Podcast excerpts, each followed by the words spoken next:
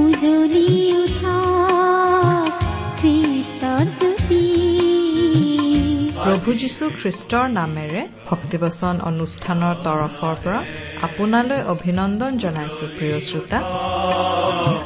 খ্ৰীষ্টৰ জ্যোতি আকাশ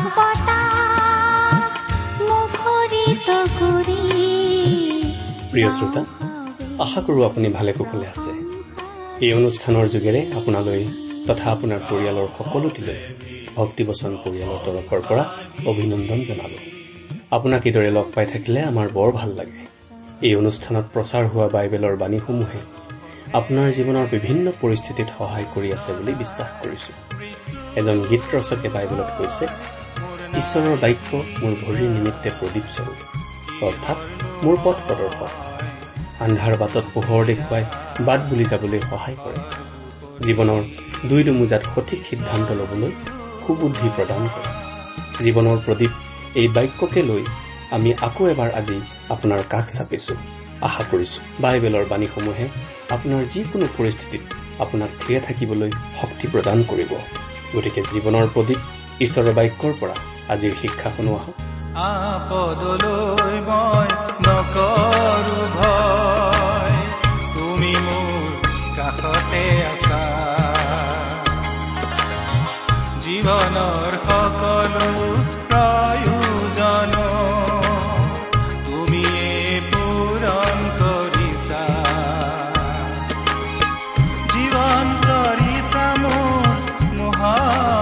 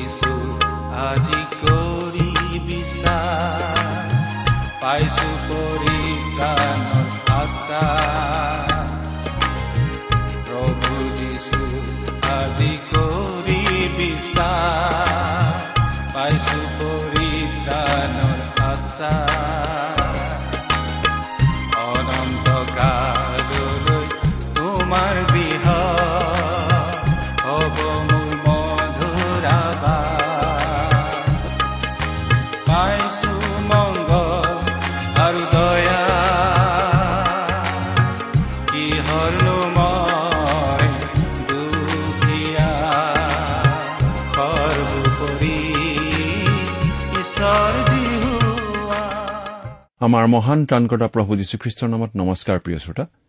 প্ৰথমতে আপোনাক ধন্যবাদ জনাইছো আমাৰ এই অনুষ্ঠানটো শুনি থকাৰ বাবে। এই বাইবেল অধ্যয়নৰ অনুষ্ঠান আমি অতি আগ্ৰহেৰে প্ৰস্তুত কৰো আমাৰ শ্ৰোতাসকলৰ সহায় হওক বুলিয়েই।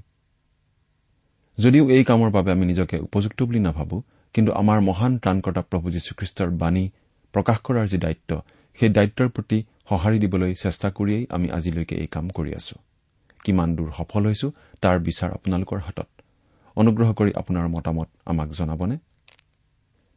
আহকচোন আজিৰ বাইবেল অধ্যয়ন আৰম্ভ কৰাৰ আগতে খন্তেক প্ৰাৰ্থনাত মূৰ দুৱাওঁ। আমি প্ৰাৰ্থনা কৰো। স্বৰ্গত থকা আমাৰ অসীম দয়ালু মৰমীয়াল পিতৃ ঈশ্বৰ তোমাক ধন্যবাদ দিওঁ কাৰণ তোমাৰ বাক্য অধ্যয়ন কৰি তোমাৰ মাত শুনিবলৈ তোমাক ওচৰৰ পৰা লগ পাবলৈ এই সুন্দৰ সময় এই সুন্দৰ সুযোগ তুমি আমাক দান কৰিছা। আহা প্ৰভু। এই অনুষ্ঠানৰ আৰম্ভণিৰ পৰা শেষলৈকে তুমি আমাৰ লগত থাকি তোমাৰ স্পষ্ট মাত তোমাৰ জীৱন্ত বাক্যৰ যোগেৰে আমাৰ আগত প্ৰকাশ কৰা। আমাৰ মৰমৰ শ্ৰোতাসকলৰ জীৱনত তোমাৰ আশীৰ্বাদ প্ৰকাশ পাই উঠিবলৈ দিয়া। কিয়নো এই প্ৰাৰ্থনা ক্ৰুচত আমাৰ হকে প্ৰাণ দি আমাৰ পাপৰ প্ৰায়চিত্ৰ কৰি। কবৰৰ পৰা তৃতীয় দিনা পুনৰ জি উঠা মৃত্যুঞ্জয় প্ৰভু যীশুখ্ৰীষ্টৰ নামত আগবঢ়ালো।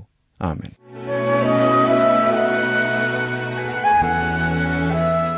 প্ৰিয় শ্ৰোতা আপুনি যদি আমাৰ এই বাইবেল অধ্যয়নৰ নিয়মীয়া শ্ৰোতা তেন্তে আপুনি নিশ্চয় জানে যে আমি বৰ্তমান বাইবেলৰ পুৰণি নিয়মৰ ভাৱবাদী পুস্তক অৰ্থাৎ জিচয়া ভাওবাদীৰ পুস্তকখনৰ পৰা আমাৰ অধ্যয়ন চলাই আছো। আমি আগতেই কৈছো যে এই ছয়ষষ্ঠিটা অধ্যায়ৰ দীঘলীয়া পুস্তকখন আমি ঊনপঞ্চাছটা অধ্যয়নত সামৰিবলৈ চেষ্টা কৰিম। কাৰণ সেইদৰে সামৰিবলৈ আমি ইতিমধ্যে পৰিকল্পনা কৰিছো। ইয়াৰ আগৰবাৰৰ অধ্যয়নলৈকে আমি আঠটা অধ্যয়ন শেষ কৰিছো। আজিৰ এই অধ্যয়ন হ'ব আমাৰ নৱম অধ্যয়ন। তাৰমানে আৰু চল্লিছটা অধ্যয়নত আমি এই পুস্তকখনৰ পৰা অধ্যয়ন কৰাৰ সুযোগ লাভ কৰিব পাৰিম। ইয়াৰ আগৰটো অনুষ্ঠানত আমি জিচয়া সাত নম্বৰ অধ্যায়ৰ এক নম্বৰ পদৰ পৰা ষোল্ল নম্বৰ পদলৈকে অধ্যয়ন কৰি পালো কেনেকৈ জিচয়াই ঈশ্বৰ জিহুৱাৰ আদেশৰ দৰে ভাৱবাণী প্ৰচাৰ কৰিবলৈ ঘোলা কণীৰূপ ৰজা আহজৰ ওচৰলৈ গৈছিল আৰু আহজে ঈশ্বৰৰ আদেশ অবিশ্বাস কৰি সেই আদেশ পালন নকৰি ভুৱা ঈশ্বৰ পৰায়ণতাৰ অভিনয় মঞ্চস্থ কৰিছিল। সেয়ে আমি সামৰণিত কৈছিলো ঈশ্বৰৰ বচন বিশ্বাস নকৰা আহজজাতীয় লোক এতিয়াও আমাৰ মাজত অনেক আছে। এনেকি অসংখ্য অগণন তেনে লোক আছে। তাৰোপৰি মানুহে ঈশ্বৰৰ ভাৱবাণীৰ ওপৰত আস্থা ৰাখিব নোৱাৰিলেও বা বিশ্বাস নকৰিলেও নিজৰ ফালৰ পৰাই এক চিনৰূপে প্ৰকাশ কৰিবলৈ কুমাৰী জীয়ৰী এজনীৰ গৰ্ভৰ পৰা এগৰাকী পুত্ৰ জন্ম পোৱাৰ ভাৱবাণী তেওঁৰ মনোনীত ভাৱবাদী যিচয়াৰ জৰিয়তে ঘোষণা কৰোৱালে। আৰু সেইগৰাকী পুত্ৰ মানুহৰ মাজত সদা সৰ্বদাই ইম্মানুৱেল অৰ্থাৎ আমাৰে সৈতে থকা ঈশ্বৰৰূপে সৰ্বজন বিদিত হ'ব। আৰু সেইজন আন কোনো নহয় প্ৰভু যীশুখ্ৰীষ্ট। আহজে এই আটাইতকৈ মহৎ আৰু প্ৰয়োজনীয় ভাৱবাণীকেই বিশ্বাসত ল'ব পৰা নাছিল। তেওঁৰ প্ৰতি আচলতে আমাৰ পুতৌ লাগিবলগীয়া কথা। কিন্তু আচলতে আমাৰো বহুতৰে অৱস্থা তেনেকুৱাই। আজিৰ অধ্যয়নত সাত নম্বৰ অধ্যায়ৰ সোতৰ নম্বৰ পদৰ পৰা পঁচিছ নম্বৰ পদলৈকে আমি চাম। আহজে জিহুৱাৰ আদেশ প্ৰত্যাখ্যান কৰা আৰু তেওঁৰ পৰামৰ্শ অগ্ৰাহ্য কৰাৰ পৰিণতি স্বৰূপে তেওঁৰ ভাৱবাদীৰ জৰিয়তে আহজ ৰজা আৰু তেওঁৰ ৰাজ্যৰ বিৰুদ্ধে আৰু অধিক ভাৱবাণী প্ৰচাৰ কৰা। এই পদকেইটাৰ ভিত্তিত আমি কিছুমান সত্যতাৰ আভাস পাম। প্ৰিয় শ্ৰোতা আমি অলপ আগতেই কৈ আহিছো যে যিহুদা ৰাজ্যৰ আহজ ৰজাই প্ৰভুৰ আদেশ অমান্য কৰাৰ পৰিণতি স্বৰূপে নিজৰ আৰু যিহুদা ৰাজ্যৰো ওপৰত জিহুৱাৰ ক্ৰোধ জাপি লৈছে। পবিত্ৰ ঈশ্বৰে পবিত্ৰ ক্ৰোধেৰে আহজে বুজি পোৱা চেতনা পাব পৰা ব্যৱস্থাৰেই যীহুদাৰ শত্ৰুসকলৰ যোগেদি আহজ ৰজা আৰু তেওঁৰ প্ৰজাক শিক্ষা দিবলৈ তেওঁলোকৰ বিৰুদ্ধে ভাৱবাণী প্ৰচাৰ কৰিছে। সোতৰ নম্বৰ পদৰ পৰা অধ্যায়টোৰ একেবাৰে শেষ অৰ্থাৎ পঁচিছ নম্বৰ পদলৈকে প্ৰথমতে আমি পাঠ কৰিছো হওক। প্ৰতিটো পদ ব্যাখ্যা কৰি অধ্যয়ন নকৰি আটাইকেইটা পদৰ মুঠ বাণীখিনিৰ ওপৰতহে অলপ আলোচনা আমি আগবঢ়াম। পদকেইটা পাঠ কৰি দিম শুনিবচোন। আৰু যদিহে লগত আপোনাৰ বাইবেল আছে তেতিয়াহ'লে চাই যাব। পাঠ কৰি দিছো। জিহুদাৰ পৰা ইফ্ৰইম বিচ্ছেদ হোৱা দিনৰে পৰা যেনেকুৱা কাল কেতিয়াও হোৱা নাই জিহুৱাই তোমালৈ আৰু তোমাৰ প্ৰজাবিলাকলৈ আৰু তোমাৰ পিতৃবংশলৈ তেনেকুৱা কাল অৰ্থাৎ অচুৰৰ ৰজাক আনিব। সেই কালত জিহুৱাই মিছৰ দেশৰ সুঁতিবোৰৰ দাঁতিত থকা মাখিলৈ আৰু অচুৰ দেশৰ ভোমোৰালৈ হুহুৰিয়াব। আৰু সিহঁত আহি উচ্ছন্ন হোৱা উপত্যকাবোৰত শিলৰ ফাঁটবোৰত সকলো কাঁইটনিত আৰু সকলো চৰণীয়া পথাৰত আটাইবোৰ পৰি থাকিব। সেইদিনা প্ৰভুৱে নদীৰ সিপাৰৰ পৰা কেৰেয়ালৈ অনা অচুৰীয়া ৰজাস্বৰূপ খুৰেৰে মূৰৰ চুলি আৰু ভৰিৰ নোম খুৰাব আৰু তাৰে দাড়িও খুৰাই পেলাব। সেইদিনা এটা মানুহে এজনী চেউৰী গৰু আৰু দুজনী ভেড়া পুহিব। আৰু সিহঁতে দিয়া বিস্তৰ গাখীৰৰ কাৰণে দধি ভোজন কৰিব। কিয়নো দেশৰ মাজত অৱশিষ্ট থকা প্ৰতিজনে দধি আৰু মৌজোল খাব। আৰু যি যি ঠাইত হাজাৰ টকা মূল্যৰ হাজাৰ দ্ৰাক্ষালতা আছে সেইবোৰ ঠাই সেইদিনা কাঁইটীয়া বন আৰু কাঁইট গছৰ হাবি হ'ব। মানুহে কাৰ ধনু হাতত লৈ সেই ঠাইলৈ যাব। কিয়নো সমুদায় দেশতে কাঁইটীয়া বন আৰু কাঁইট গছৰ হাবি হ'ব। আৰু যিবোৰ পৰ্বত এতিয়া কোৰেৰে কোৰা হয় কাঁইটীয়া বন আৰু কাঁইট গছৰ হাবিৰ ভয়ত তেতিয়া তুমি সেই পৰ্বতলৈ নাযাবা। কিন্তু সেয়ে গৰু মেলি চৰোৱা আৰু ভেড়াই গছকা ঠাই হ'ব। প্ৰিয় শ্ৰোতা সোতৰ নম্বৰ পদৰ পৰা পঁচিছ নম্বৰ পদলৈকে পাঠ কৰিলে আমাৰ এনে লাগে যে নিজৰ অবিশ্বাস আৰু অবাধ্যতাৰ দ্বাৰাই আহজে যেন নিজৰ মৈদামৰ গাত নিজেই খান্দি লৈছিল। আগতে নোহোৱাবিধৰ দুৰ্গতি ঘটাবলৈ জিহুৱা ঈশ্বৰ বদ্ধপৰিকৰ হৈছে। অবাধ্যতা আৰু অবিশ্বাসৰ দ্বাৰাই ঈশ্বৰৰ যিমান দুখ দিব পাৰি আন একোৰেই ঈশ্বৰক মনত সিমান আঘাত দিব নোৱাৰি। জগতৰ পিতৃ মাতৃয়েই নিজৰ ল'ৰা ছোৱালী অবাধ্য হলে কিমান আঘাত পায়? কিমান মনোবেদনা পায়? কিন্তু ঈশ্বৰ আমাৰ স্বৰ্গীয় পিতৃ। আৰু আমি তেওঁৰ সন্তানসকলে তেওঁৰ বিৰুদ্ধে অবাধ্যতা আচৰণ কৰিলে তেওঁ মনত কিমান অধিক আঘাত পায়। বাধ্যতাৰ ক্ষেত্ৰত প্ৰভু যীশুখ্ৰীষ্টই আমাৰ শ্ৰেষ্ঠ আদৰ্শ। তেওঁৰ বাধ্যতাৰ ক্ষেত্ৰত বাইবেলে এনেদৰে কৈছে আকাৰ প্ৰকাৰত মানুহৰ দৰে হৈ নিজকে সৰু কৰি মৃত্যুলৈকে এনেকি ক্ৰুচীয় মৃত্যুলৈকে আজ্ঞাধীন হল। ফিলিপিয়া দুই নম্বৰ অধ্যায়ৰ আঠ নম্বৰ পদ। আকৌ কৈছে পুত্ৰ হৈও দুখ ভোগৰ দ্বাৰাই আজ্ঞাধীন হবলৈ শিক্ষা পালে আৰু তেওঁ সিদ্ধ হৈ তেওঁৰ সকলো আজ্ঞাধীনতাবিলাকলৈ অনন্ত পৰিত্ৰাণৰ কৰ্তা হল।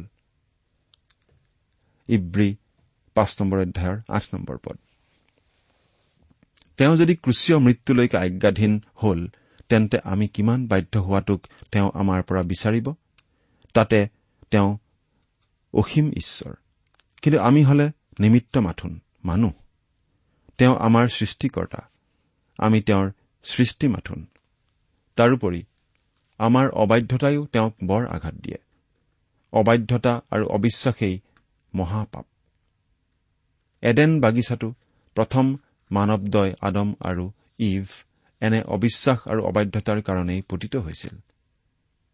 বাইবেলে কৈছে বিনা বিশ্বাসেৰে ঈশ্বৰক সন্তুষ্ট কৰাটো অসাধ্য। ইব্ৰী এঘাৰ নম্বৰ অধ্যায়ৰ ছয় নম্বৰ পদ। বিশ্বাস কৰা ব্যক্তিসকলৰ ক্ষেত্ৰত বৰ সন্তুষ্ট মনে তেওঁলোকক কৈছিল তোমাৰ বিশ্বাসেই তোমাক ৰক্ষা কৰিলে। কত কৰা বিশ্বাস সেয়া? কেনেকুৱা বিশ্বাস বাৰু? এৰা স্বয়ং প্ৰভু যীশুত কৰা বিশ্বাস। প্ৰভু যীশুত কৰা বিশ্বাসেই তেওঁক ৰক্ষা কৰিলে বুলি কৈছিল। প্ৰভু যীশুৱে মাৰ্থাক কৈছিল যদি বিশ্বাস কৰা তেন্তে ঈশ্বৰৰ মহিমা দেখিবলৈ পাবা। জোহন এঘাৰ অধ্যায় চল্লিছ পদ। তেওঁ ইচ্ছা কৰে যেন আমি সকলো সময়তে সকলো পৰিস্থিতিতেই সুখৰ সময়ত আৰু দুখৰ সময়তো তেওঁত বিশ্বাস ৰাখো। কিন্তু আহজৰ এই দুয়োটাৰ এটাও নাছিল। তেওঁ ঈশ্বৰৰ বাধ্য হ'ব পৰা নাছিল কাৰণ তেওঁ ঈশ্বৰত বিশ্বাস ৰখা নাছিল। ঈশ্বৰে অবিশ্বাস আৰু অবাধ্যতা পাপ সহি নাথাকে। আহজ আৰু তেওঁৰ নিচিনা হাজাৰ হাজাৰ আহজেই তাৰ প্ৰমাণ। আমি আগৰে পৰা কৈ আহিছো যে ঈশ্বৰে পাপক কেতিয়াও দৰদেৰে নলয়। পাপৰ লগত মানুহে খেলিলেও ঈশ্বৰে পাপৰ সৈতে খেলা নকৰে। মানুহে পাপেৰে সৈতে আপোচ কৰিলেও ঈশ্বৰে কেতিয়াও পাপেৰে সৈতে আপোচ নকৰে। আমি এই কথাও কৈ আহিছো যে এহাতে ঈশ্বৰ যেনেকৈ প্ৰেমময় আনহাতে তেনেকৈ ধাৰ্মিক পবিত্ৰ আৰু ন্যায়বান। পাপে ন্যায় চিনি নাপায়। ন্যায় বিচাৰৰ বাবেই তেওঁ পাপৰ প্ৰতিকাৰ সাধিবই। তেওঁ অবুজ মৰমীয়াল সাধু বাবা নহয়। আপোনাৰ পাপ আৰু মোৰ পাপ দেখিও তেওঁ নীৰৱ দৰ্শক হৈ বহি নাথাকে। পাপত চেতনাহীন হৈ থকা তেওঁৰ সন্তানক তেওঁ শাস্তিবিহি চেতনাযুক্ত কৰে। এনেকুৱা অসংখ্য জ্বলন্ত প্ৰমাণ আমি নিজৰ জীৱনতো পাওঁ। আৰু আমাৰ চাৰিওফালে থকা অনেক লোকৰ জীৱনতো পাওঁ। পাপীজনক তেওঁ ভাল পালেও পাপীজনৰ পাপখিনিক তেওঁ ভাল পাব নোৱাৰে। সেয়ে পাপখিনিৰ বাবে পাপীজনক চেতনাযুক্ত কৰিবলৈ শাস্তি দিবলগীয়া হয়। তাৰ সাক্ষী আমাৰ মাজত অনেক আছে আৰু আমি নিজৰ জীৱনতো নিশ্চয় তাৰ প্ৰমাণ পাইছো আৰু আপোনালোকৰ অযোগ্য দাসেও এনেকুৱা প্ৰমাণ পাইছো। প্ৰিয় শ্ৰোতা কিয় ইমান গুৰুত্ব সহকাৰে এইখিনি কথা কৈছো বুলি ভাবিছে বাৰু? কৈছো কাৰণ আমাৰ মাজত বহু আধুনিক আহজ আছে। তেওঁলোকে মণ্ডলীৰ হয়তো নেতৃত্বও দখল কৰি আছে। বিশ্বাস নাই বাধ্যতা নাই অথচ আনহাতে ভুৱা ঈশ্বৰ পৰায়ণতা দেখুৱাই খ্ৰীষ্টীয় সমাজৰ চকুত ধূলি মাৰি আছে। কিন্তু ঈশ্বৰৰ চকুত ধূলি মাৰিব পৰা কোন আছে? চাওক প্ৰিয় শ্ৰোতা আহজ নামৰ জিহুদাৰ নেতাজনৰ পাপৰ কাৰণে ঈশ্বৰে ওচৰীয়াসকলক জিহুদালৈ আনি আগতে কেতিয়াও নঘটা বিধৰ দুৰ্গতি জিহুদাত ঘটাব। মিছৰৰ নদীৰ পাৰত ভেন ভেনাই থকা ভেনা মাখি আৰু ওচৰৰ নষ্টকাৰী ভোমোৰাবোৰক জিহুদালৈ সুহুৰি মাৰি লৈ আহি জিহুদাত উপদ্ৰৱ কৰোৱাব। জীৱন বৰ দুৰ্বিষহ আৰু বিৰক্তিজনক কৰি তুলিব। মিছৰৰ ভেনামাখি আৰু অচুৰৰ নষ্টকাৰী ভোমোৰাই গোটেই জিহুদা দেশখন চানি ধৰিব। সিহঁত পৰি নাথাকিব এনে এডোখৰ জাগাও জিহুদাৰ কতো বিচাৰি পোৱা নাযাব। মূৰৰ ভৰিৰ নোম আৰু দাড়ি গোফ খুৰাই যে পেলাব পাৰে তাৰে শত্ৰুসকলে জিহুদাৰ লোকসকলক হেয় প্ৰৎপন্ন কৰিব লাজ দিব। অৱশ্যে সেই একেখন জিহুদাতেই যিসকল বিশ্বাসকাৰী আৰু প্ৰভুৰ বাধ্য সন্তান থাকিব তেওঁলোকে দধি আৰু মৌজোল পান কৰিব। তেওঁলোক ঈশ্বৰৰ মনোনীত জাতিটোৰ অৱশিষ্ট ভাগ। ঈশ্বৰৰ লোকৰ এনে অৱশিষ্ট ভাগ সদায়েই আছিল এতিয়াও আছে আৰু সদায়েই থাকিব। যিচয়া সাত নম্বৰ অধ্যায়ৰ বিশ নম্বৰ পদ। পৰ্বতৰ ওপৰৰ আৰু তলৰ সমতলৰ সমস্ত শস্য পথাৰ অভিশপ্ত হ'ব। শস্য চপাবলৈ গৈ মানুহে কাঁইটীয়া বন দেখি ঘূৰি আহিব লাগিব। দেশত দুখ কষ্ট কোলাই পাচিয়া নধৰা হ'ব। দেশত পানীত হাঁহ নচৰা অৱস্থা হ'ব। সকলোফালে কেৱল দুখৰ হুমুনিয়াহ যন্ত্ৰণাৰ আৰ্তনাদ আৰু অশান্তিৰ কোলাহল শুনা যাব। অবিশ্বাস আৰু অবাধ্যতাৰ পৰিণাম হ'ব ইমানেই ভয়াৱহ। প্ৰিয় শ্ৰোতা এয়া আহজৰ অবিশ্বাস আৰু অবাধ্যতাৰ পৰিণতি আছিল। এতিয়া ইয়াৰ পৰা আমাৰখিনি সময়ছোৱাৰ বাবেও কিবা প্ৰয়োগ কৰিব পৰা অৰ্থ বা শিক্ষা ইয়াৰ পৰা পাব পাৰিনে? নিশ্চয় পাৰি। কিয় নোৱাৰি? আহজৰ দিনৰ ঈশ্বৰ জনাই আজিৰো ঈশ্বৰ। অপৰিৱৰ্তনীয় ঈশ্বৰ। তেতিয়া তেওঁ আহজৰ পাপক ঘীনাইছিল আজিও তেওঁ হাজাৰ হাজাৰ আহজৰ পাপ ঘীন কৰে। তেতিয়া তেওঁ ওচৰীয়া লোক মিছৰৰ ভেন ভেনুৱা মাখি আৰু ওচৰৰ নষ্টকাৰী ভোমোৰা বৰলৰ উৎপাতেৰে ৰজা আৰু প্ৰজাসকলৰ চেতনা জগাইছিল। আজিৰ আধুনিক আহজহঁতৰ পাপৰ পৰিণতিস্বৰূপে ৰোগৰ ৰূপত মহামাৰী প্ৰাকৃতিক দুৰ্যোগ অভাৱ অনাটন ক্ষেপণাস্ত্ৰ পৰমাণু বোমা আদিৰে হোৱা যুদ্ধ বিগ্ৰহ আদিৰেই আজিৰ আহজহঁতক তেওঁ চেতনা দিব পাৰে। মানুহে আজিকালি ডিঙি ফুলাই ফুলাই আঙুলি টোৱাই টোৱাই আনক গৰিহণা দি দি কথা কয়। সকলোৱে দুৰ্নীতিৰ বিৰুদ্ধে কথা কয়। তেন্তে দুৰ্নীতিনো কোনে কৰে? আইন নীতি আদালত আৰক্ষী সমাজনীতি শাস্তিবিধিবোৰতো আছেই। থাকক। আজিৰ আধুনিক আহজহঁতক ৰক্ষক হৈও ভক্ষক হোৱাত সেইবোৰক কোনে পাত্তা দিয়ে? ঈশ্বৰলৈ ভয় ভক্তি নথকা ঈশ্বৰ বিশ্বাসক তাচ্ছিল্য কৰা বাধ্যতাৰ অৰ্থ বুজি নোপোৱা নথি পত্ৰ নৰখাকৈ ৰাজহুৱা ধন জাপে জাপে আত্মসাত কৰা কম মধ্যম আৰু উচ্চভাৱে শিক্ষা আহৰণ কৰা অল্প শিক্ষিত শিক্ষিত আৰু উচ্চ শিক্ষাৰে শিক্ষিত আৰু প্ৰশিক্ষিত বিবেক বিবেচনা সম্পূৰ্ণৰূপে বিক্ৰী কৰি খোৱা দেশৰ আৰু সমাজৰ আধুনিক আহজহঁতৰ অটপালিত দেশ আৰু সমাজ আজি ৰসাতলৈ গৈছে। তেওঁলোকৰ চকুমুখবোৰলৈ আপুনি চাব। লাজ এক চিকুটো দেখা নাপাব। ন্যায় নীতিৰ কথা কলে নীলাজ বান্দৰৰ দৰে তেওঁলোকে ভেঁ ভেঁকৈ হাঁহিব। আপুনি বাৰু কি ভাবে প্ৰিয় শ্ৰোতা? আপুনি বাৰু ভাবেনে যে এই আধুনিক আহজহঁতৰ পাপসমূহ দেখিও ধাৰ্মিক ঈশ্বৰ জনাই দেখিও নেদেখাৰ ভাওজুৰি বহি থাকিব?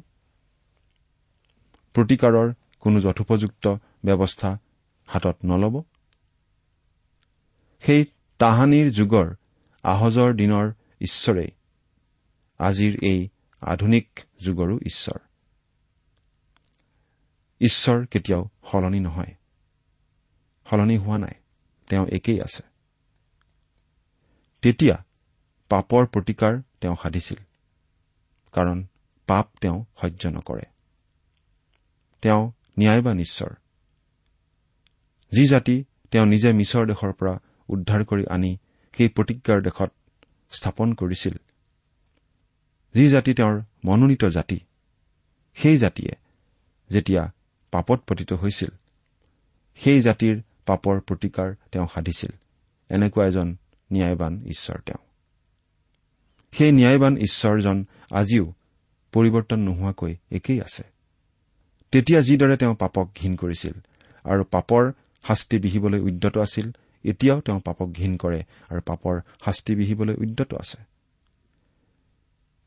তেতিয়া তেওঁ পাপৰ সৈতে আপোচ কৰা নাছিল। এতিয়াও তেওঁ পাপৰ সৈতে আপোচ নকৰে। তেতিয়া তেওঁ ঈশ্বৰ আছিল। সাৰ্বভৌম ঈশ্বৰ সৰ্বশক্তিমান ঈশ্বৰ সৰ্বব্যাপী ঈশ্বৰ। আজি তেওঁ কিবা বেলেগ প্ৰাণী হৈ যোৱা নাই। আজিও তেওঁ একেই ঈশ্বৰ। ৰজাৰো ৰজা প্ৰভুৰো প্ৰভু সৰ্বশক্তিমান ঈশ্বৰ। তেওঁলোকৰ পাপৰ যি দুৰ্গন্ধ সেয়া গৈ ঈশ্বৰৰো নাকৰ গুৰি পাইছিলগৈ। আজিও মানুহৰ পাপৰ যি দুৰ্গন্ধ সেই দুৰ্গন্ধ ঈশ্বৰৰ নাকৰ গুৰি পায়গৈ আমি বিশ্বাস কৰো যে অতি সোনকালেই পাপক ঘীন কৰা সৰ্বপৰাক্ৰমী ঈশ্বৰে ইয়াৰ বিহিত ব্যৱস্থা ল'ব। আৰু যেতিয়া তেওঁ তাৰ বিহিত ব্যৱস্থা ল'ব তেতিয়া চাব এতিয়া নিজকে জগতৰ আটাইতকৈ টেঙৰ বুলি ভাবি থকা নোম টেঙৰ আৰু শিয়াল টেঙৰবোৰে মাটিত চুচৰি চুচৰি মাটি চেলেকি চেলেকি নিস্তাৰ নাপাব। তেনে নিৰ্লজ্জ আধুনিক আহজহঁতে অনাতাঁৰ অনুষ্ঠানত এই বাণী শুনিও আকৌ নিৰ্লজ্জৰ দৰে কিজানি হাঁহিছে? তেনেকুৱা কোনোবা আহজে হয়তো এই অনুষ্ঠান শুনিছে আৰু এই কথাবোৰ শুনি হয়তো তাচ্ছিল্যৰ হাঁহি মাৰিছে। কিন্তু তেনেকুৱা আহজৰ বাবে এতিয়া হহাৰ সময় চলি আছে। কিন্তু সেই দিন সোনকালে আহিছে। ভালে ভালে অনুতপ্ত হৃদয়েৰে যদি প্ৰভুৰ ওচৰলৈ ঘূৰি নাহে তেন্তে তেনেকুৱা আহজসকলৰ কান্দিবৰ দিন সমাগত। কেৱল কান্দিবৰ দিন তাতকৈও অধিক। জীৱা উলিয়াই উলিয়াই চুটি চুটিকৈ উশাহ নিশাহ লোৱাৰ দিন তেনেকুৱা আহজৰ বাবে তেনেই সন্নিকট। প্ৰভুক ভাণ্ডনা কৰা নাযায়। প্ৰভুৰ আগত আমি কেতিয়াও অভিনয় কৰি ফাঁকি দিব নোৱাৰো। আনৰ আগত দেখাত আমি ধাৰ্মিক ধাৰ্মিক দেখুৱাই নানা ধৰণৰ কাজ কৰ্মৰ যোগেৰে নিজকে প্ৰভুৰ সেৱক দেখুৱাই হয়তো আনৰ পৰা বাহ বাহ আমি ল'ব পাৰো। সমাজৰ আগস্থান হয়তো আমি দখল কৰি থাকিব পাৰো। বা হয়তো দেখাত প্ৰভুৰ প্ৰতি আমাৰ বিশ্বাস আছে বুলিও আমি দেখুৱাব পাৰো। আৰু নানা ধৰণৰ আলোচনাত যোগ লৈ নিজৰ জ্ঞান জাহিৰ কৰি থাকিব পাৰো। কিন্তু অন্তৰত হয়তো আমাৰ অলপো বিশ্বাস নাই। হয়তো আমাৰ জীৱনত গেলা পচা পাপ ভৰি আছে। হয়তো আমি সেই পাপবোৰৰ কথা জানিও আমি লুকুৱাই ৰাখিছো। হয়তো সেই পাপবোৰৰ কথা প্ৰভুৱে আমাক সোঁৱৰাই দিয়া সত্বেও আমি আমাৰ কাণ গধুৰ কৰিছো বা হয়তো আমনি পাইছো। প্ৰিয় শ্ৰোতা এনেকুৱা অনেক লোক আমাৰ মাজত আছে। সেই আহজ ৰজাৰ অবিশ্বাসৰ কাৰণে সেই দেশলৈ সেই জিহুদা দেশলৈ ঈশ্বৰৰ অভিশাপ নামি আহিছিল। ঈশ্বৰে সেই জিহুদা দেশক শত্ৰুৰ হাতত সোধাই দিছিল।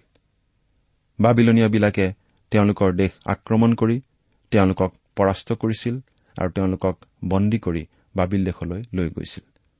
তেওঁলোকে বাবিল দেশত বন্দী হৈ দাস হিচাপে জীৱন কটাবলগীয়া হৈছিল।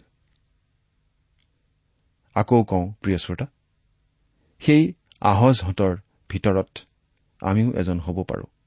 কাৰণ সেই আহজেৰে আমি দেখি থকা এই সমাজখন ভৰি আছে। আমি নিজক পৰীক্ষা কৰি চোৱা উচিত। সেই আহজহঁতৰ ভিতৰৰে আমিও একো একোজন হওঁ নেকি বাৰু? আমি নিজক পৰীক্ষা কৰি চোৱা উচিত। যদিহে হওঁ ঈশ্বৰৰ দৃষ্টিত আমি কোনোমতেই এক ব্যতিক্ৰম ব্যক্তি নহ'ম। ঈশ্বৰে কাৰো মুখলৈ নাচায়। ঈশ্বৰৰ গধুৰ হাত আমাৰ ওপৰতো থাকিব যদিহে আমি তেনেকুৱা একো একোজন আহজ। আৰু যদিহে ঈশ্বৰৰ গধুৰ হাত আমাৰ ওপৰত থাকে সেয়া বৰ ভয়ানক কথা হ'ব। আমাৰ বাৰু কথাটো ভাবি ভয় লাগিছেনে? হে ঈশ্বৰ আধুনিক আহজ হোৱাৰ আমাৰ সমূলি ইচ্ছা নাই। নাই একেবাৰে নাই। আমালৈ আপুনি প্ৰসন্ন হওক। আধুনিক আহজ হোৱাৰ মোৰ অতীত পাপ ক্ষমা কৰক আৰু এতিয়া সেই মহাপাপৰ পৰা আঁতৰি থাকিবলৈ ইচ্ছা দিয়ক ভয় দিয়ক আৰু সহায় শক্তি প্ৰদান কৰক। এনেদৰে আমি প্ৰাৰ্থনা কৰা উচিত। প্ৰিয় শ্ৰোতা আপোনাৰ ভয় লগা নাইনে?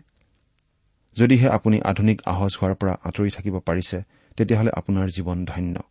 কিন্তু যদিহে আপুনিও আহজৰ নিচিনাই হৈ আছে তেনেহলে কি কৰিছে? এই মহাপাপৰ পৰা দৌৰি পলাওক। প্ৰভু যীশুৰ গুৰিলৈ গৈ তেওঁত আশ্ৰয় লওক। আপোনাৰ অৱস্থা আপুনি জানিব আৰু প্ৰভু যীশুৱে জানিব। ঈশ্বৰ আপোনাৰ সংগী হওক। আমেন। প্ৰিয় শ্ৰোতা ইমান পৰে আপুনি বাইবেল শাস্ত্ৰৰ পৰা ঈশ্বৰৰ বাক্য শুনিলে। এই বিষয়ে আপোনাৰ মতামত জানিবলৈ পালে আমি নথৈ আনন্দিত হ'ম। আমি প্ৰস্তুত কৰা বাইবেল অধ্যয়নৰ চিডিসমূহ পাব বিচাৰিলে আৰু অনুষ্ঠানত প্ৰচাৰ কৰা কোনো কথা বুজিব লগা থাকিলেও আমালৈ লিখক। আমাৰ যোগাযোগৰ ঠিকনা ভক্তিবচন ট্ৰান্সৱৰ্ল্ড ৰেডিঅ' ইণ্ডিয়া ডাক বাকচ নম্বৰ সাত শূন্য গুৱাহাটী সাত আঠ এক শূন্য শূন্য এক।